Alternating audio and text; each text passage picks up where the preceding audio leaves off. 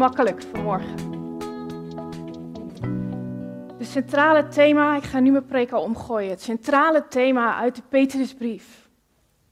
Waar we het vandaag over gaan hebben, over wie Petrus is, zo terug naar mijn start. Maar het centrale thema uit de brief van Petrus is dat er hoop is in het lijden. Er is hoop in het lijden. En volgens mij is de vraag voor vanmorgen, mag God God zijn? In de dingen en de momenten waarop wij het leven niet begrijpen.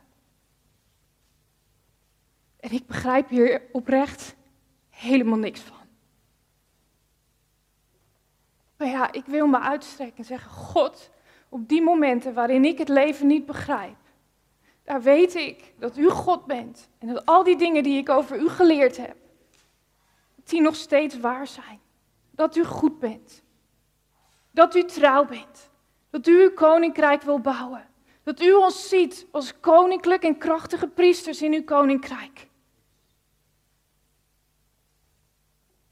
En dat is waar we het vanmorgen ook over willen gaan hebben. Wie zijn we eigenlijk als gemeente? This is me. Wie zijn we? Wat is onze identiteit in God? dat wilde ik gaan doen aan de hand van het verhaal van Petrus. Kijken naar wie hij is en kijken wat hij geschreven heeft en welke boodschap hij voor ons achter heeft gelaten. Ik heb geen idee hoe deze preek gaat lopen. Het loopt nu al anders. Maar ik denk dat het voor ons cruciaal is dat we Jezus in zijn ogen kijken en daar opnieuw weer zien wie wij mogen zijn in Hem. En daar onze identiteit opnieuw vinden. De afgelopen maand zijn we bezig geweest met een serie over onze visie en missie als Connect Kerk. Mag ik het eerste plaatje van jou, Martijn? En eigenlijk gaat deze serie, This is Me, over wie zijn we nou in onze koor? Wie zijn we nou ten diepste? Als gemeente. Het gaat over identiteit, over cultuur, over DNA. En het plaatje van een boom representeert dat voor mij heel mooi. Waar visie en missie heel erg gaan over welke vrucht willen we uiteindelijk voortzien komen uit deze gemeente, gaat deze serie van This Is Me heel erg over wat zijn eigenlijk onze wortels? En cultuur staat daarin voor mij om de grond waarin die boom staat. Elke boom heeft een ander type grond nodig. Niet elke boom groeit overal. Wat is de cultuur? Wat dragen wij mee aan waarden, aan normen? Welke dingen vinden wij belangrijk als gemeente? Wat zijn dan die wortels van onze gemeente? Waar geloven we nou ten diepste in dat God ons geroepen heeft? En eigenlijk zeggen we dat ons DNA als gemeente bestaat uit die kerntekst, die waarden die we hebben en onze cultuur en identiteit. Dat is ons DNA. En wat we zo graag willen door deze serie heen, is dat iedereen die zich onderdeel voelt van Connect Kerk, dat DNA niet alleen hoort, maar dat het onderdeel wordt van jouw koor, van wie jij bent. Zodat we uiteindelijk vrucht mogen gaan dragen als gemeente.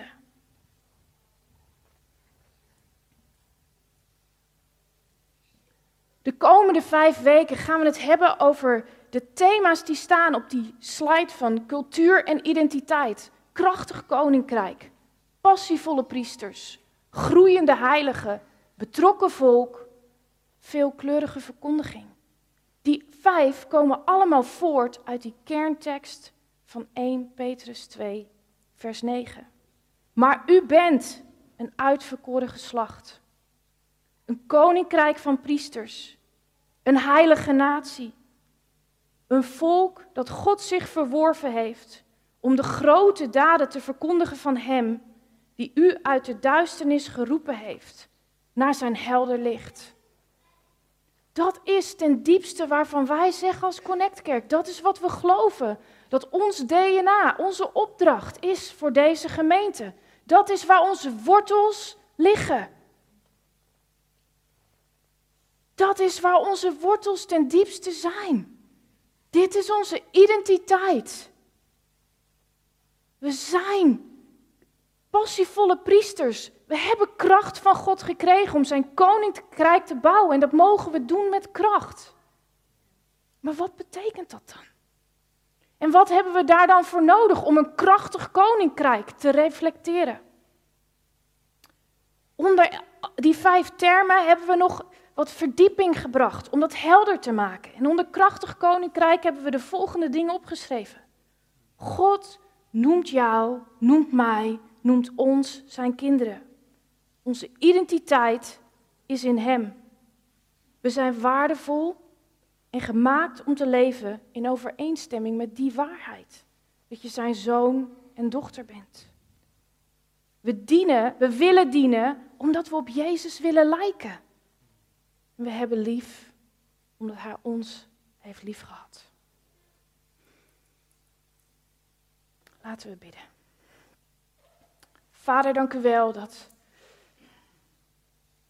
in elke storm, elk moment, we terug mogen komen bij u.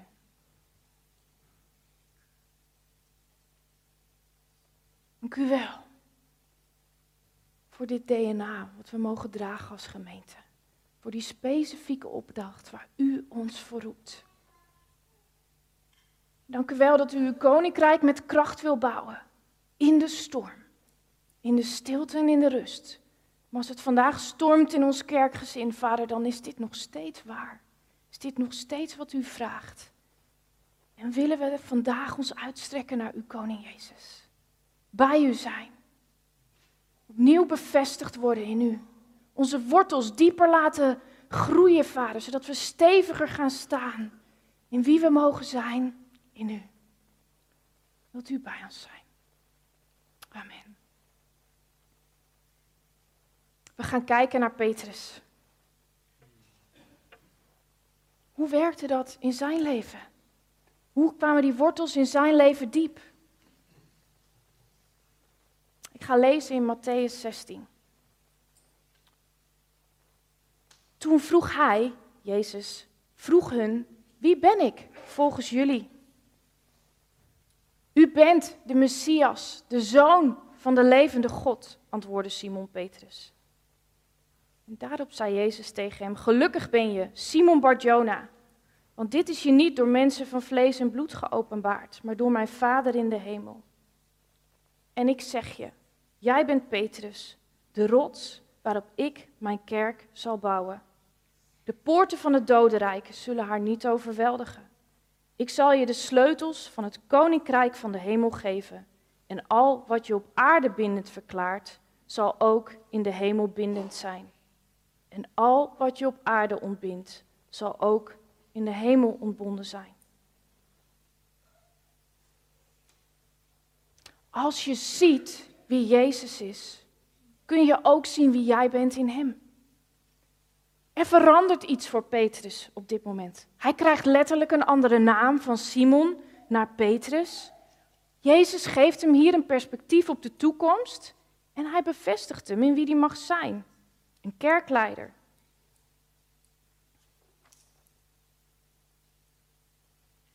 Hier ligt volgens mij zo'n sleutel in deze tekst. Hoe kunnen wij onze wortels dieper laten schieten? Hoe kunnen wij ontdekken wie we mogen zijn? Dat is in eerste instantie door naar Jezus te kijken. Door bij Hem te zijn. Tijd met Hem door te brengen. Kijken naar Jezus, zien wie Hij is. Daardoor ga je ontdekken wie jij mag zijn in Hem. Waar liggen jouw wortels ten diepste? Wat geloof je ten diepste over jezelf, wie je bent? Welke positie je mag innemen in dat krachtig koninkrijk? En welke roeping God je misschien gegeven heeft? Zo vaak baseren we onze identiteit op andere dingen. En als je door de Bijbel heen kijkt, zijn er eigenlijk vaak drie valkuilen waar heel veel mensen voor vielen. Waar Jezus ook op verzocht werd in de verzoeking in de woestijn. Je hebt ze misschien wel eens gehoord. Ook voor ons, hier en nu, zijn dit nog hele tastbare dingen. Ben je wat je doet? Ben je wat anderen over je zeggen? Of ben je wat je hebt? Ben je wat je doet? Hangt je identiteit af van de rol die je hebt, van de baan die je hebt, van de positie die je hebt in de maatschappij? Ben je afhankelijk van wat anderen over je denken of wat anderen, anderen over je gezegd hebben, of dat nou positief of negatief is? Is dat waar jij je identiteit op baseert? Of hangt dat voor jou af voor de dingen die je hebt, tastbaar of ontastbaar? Volgens mij kunnen we uit deze tekst leren dat er maar één ding belangrijk is. Who told you? Wie heeft het tegen jou gezegd wie je mag zijn? Waren dat de mensen om je heen of was het de waarheid die Jezus je heeft laten zien? De wortels van je geloof, van je identiteit, als je die kunt laten schieten in wat Jezus over jou denkt, dan word je een krachtige priester in Gods koninkrijk. Want dan ontdek je wie jij bent, wie je mag zijn als zoon en dochter van de Allerhoogste. Ik leer nog elke dag wat dat betekent. Misschien denk je, dit heb ik al vaker gehoord. Ja, ik weet dat ik een zoon of een dochter ben. Mijn vraag vandaag is, weet je het echt? Zit het hier of zit het hier?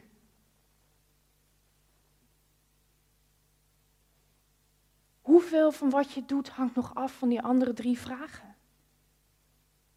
Hoe vaak vraagt God niet iets van mij wat ver buiten mijn comfortzone ligt? En het enige wat ik kan doen is denken, dit, is, dit, dit stretcht zo ver. Dit gaat voor mij elke comfort te buiten. Ik kan alleen maar vertrouwen nu dat ik dit niet hoef te doen, maar dat God het door mij heen doet. Dat is zoonschap, dat is dochterschap. Niet zelf op de troon, maar God de ruimte geven om je continu te bevestigen in wie je mag zijn. Het verhaal van Petrus stopt hier nog niet. Terug naar Petrus. Hij heeft eigenlijk dus al heel vroeg van Jezus gehoord hoe het, wat zijn rol is. En Petrus die maakt twee bijzondere dingen mee bij een kampvuur. Het eerste kampvuurmoment wat Petrus meemaakt, is een heel pijnlijk moment voor Petrus. Jezus is gearresteerd, veroordeeld. En Petrus staat daar s'avonds bij een kampvuur.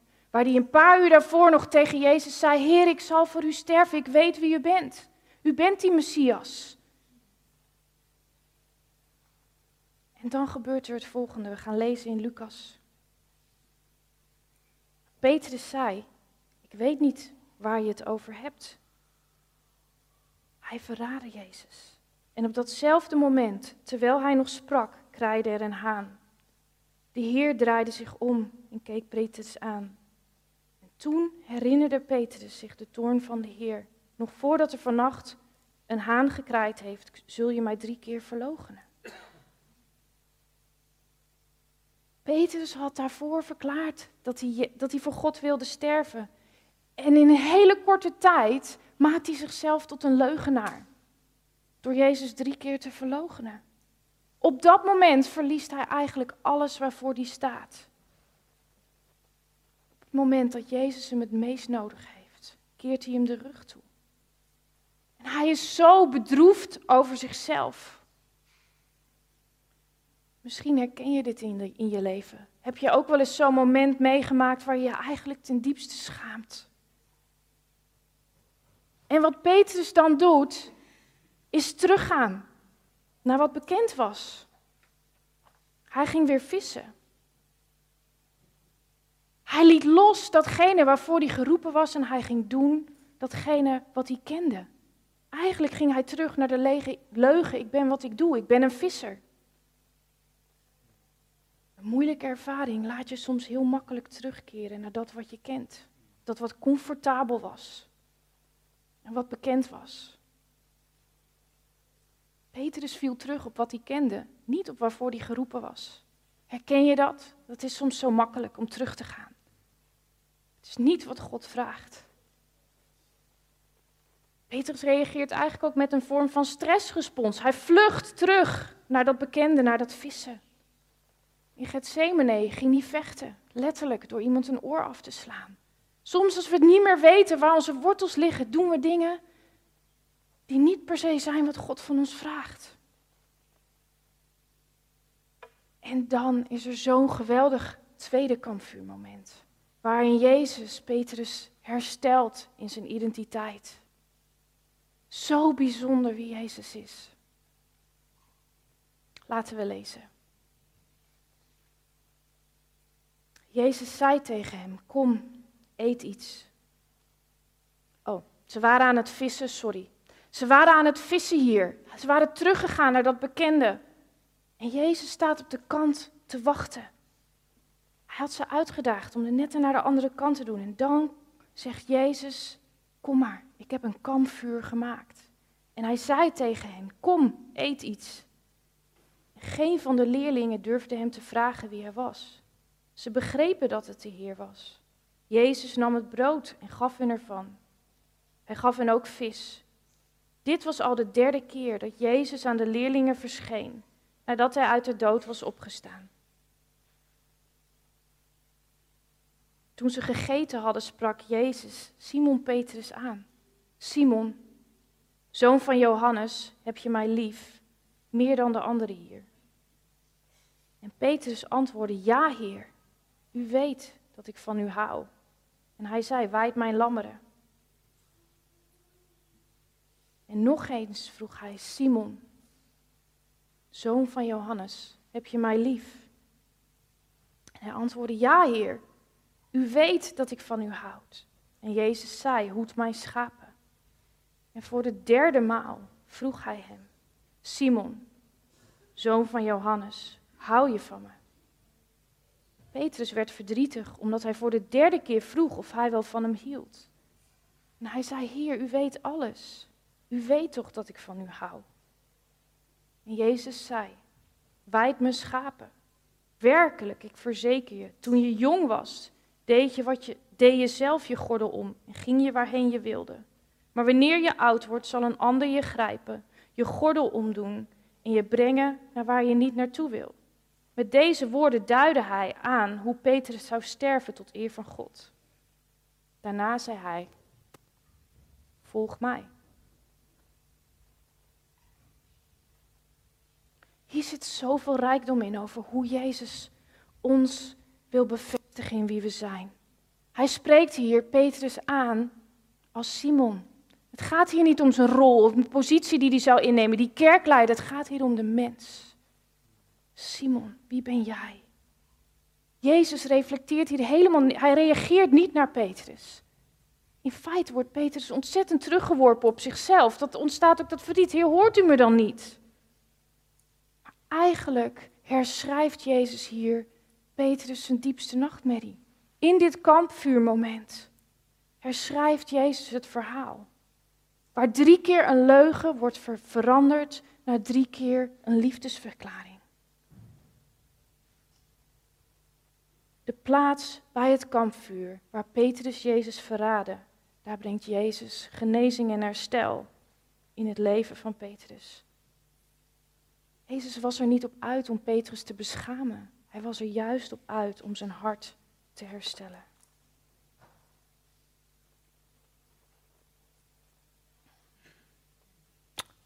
Dat is onze koning. Dat is de God die wij dienen.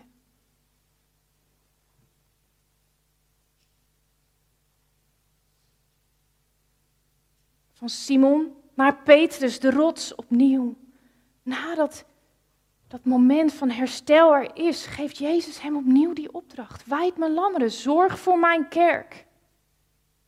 Jezus bevestigt opnieuw die ware identiteit van Petrus. Die wortels die hij mocht leggen door die tijd door te brengen naar Jezus te kijken en opnieuw bevestigd te worden. Dat was wie hij was. Zijn acties en keuzes bepaalden niet wie hij is. Wat Jezus over hem zei, dat bepaalt wie hij was. En dat mogen wij ons ook meer en meer leren. Dat is naar wie je mag luisteren. Who told you? God gebruikte de omstandigheden waar Petrus doorheen ging om hem klaar te maken voor een nieuwe rol. Jezus of Petrus kende ten diepste de impact van vergeving. Waardoor hij in staat was om een pastoraal en liefdevol leider te zijn. Petrus had intimiteit met Jezus. Daar ontdekte hij wie hij mocht zijn. Zijn identiteit kon hij bouwen op die momenten, dat kampvuurmoment met Jezus, waarin hij opnieuw bevestigd werd in wat God van hem vroeg en in wie hij mocht zijn in hem. Zo'n krachtige sleutel als wij het hebben over een krachtig koninkrijk zijn. Dit koninkrijk van Jezus werkt zo anders dan welk koninkrijk wij ook kennen. Jezus kwam om te lijden en te dienen. En dat is dat laatste punt uit dat krachtig koninkrijk. Wij willen lief hebben zoals Jezus deed. Op de momenten dat het makkelijk is en op de momenten dat het moeilijk is. Als één ding blijkt uit de Petrusbrief, als je hem helemaal zou lezen, is dat Petrus juist zegt tegen een vervolgde kerk: heb lief zoals Jezus lief hebt. Zorg dat je Hem reflecteert in alles wat je doet, want daaruit zal vrucht voortkomen.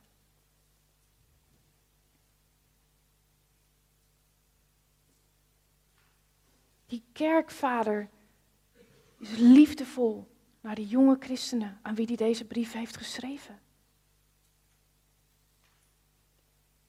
En dit is volgens mij waar dit hele stuk over identiteit en krachtig koninkrijk over gaat. Snappen wie je bent. Vanuit zoonschap, vanuit dochterschap gaan bewegen. Kijken naar Jezus. Kijken naar Jezus. En Hem de ruimte geven om te zitten op de troon van jouw leven.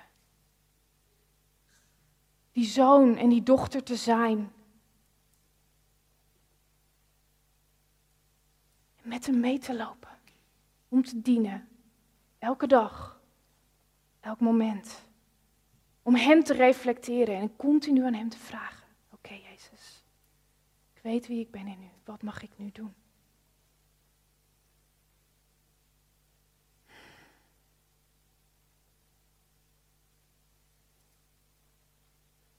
Volgens mij is dat wat we ook mogen gaan doen nu samen.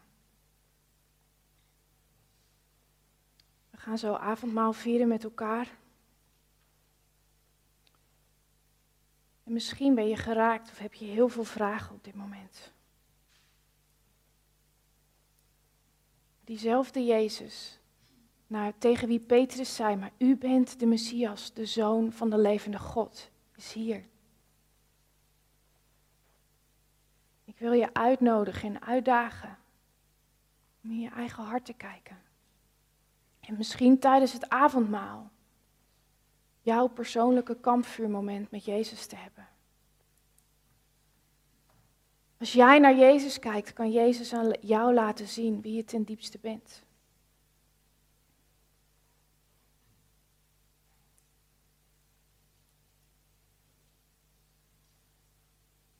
Hoe diep zitten jouw wortels verankerd in wat Jezus over je gezegd heeft? Weet jij ten diepste dat je een zoon of een dochter bent van de Hemelse Vader. Weet jij, weet je hoe Hij over je denkt? Niet hier, maar hier. Je kunt zoveel weten over wie God is, maar als jij niet die persoonlijke ontmoeting en die persoonlijke relatie en die persoonlijke ervaring met hen hebt, blijft het iets van op afstand.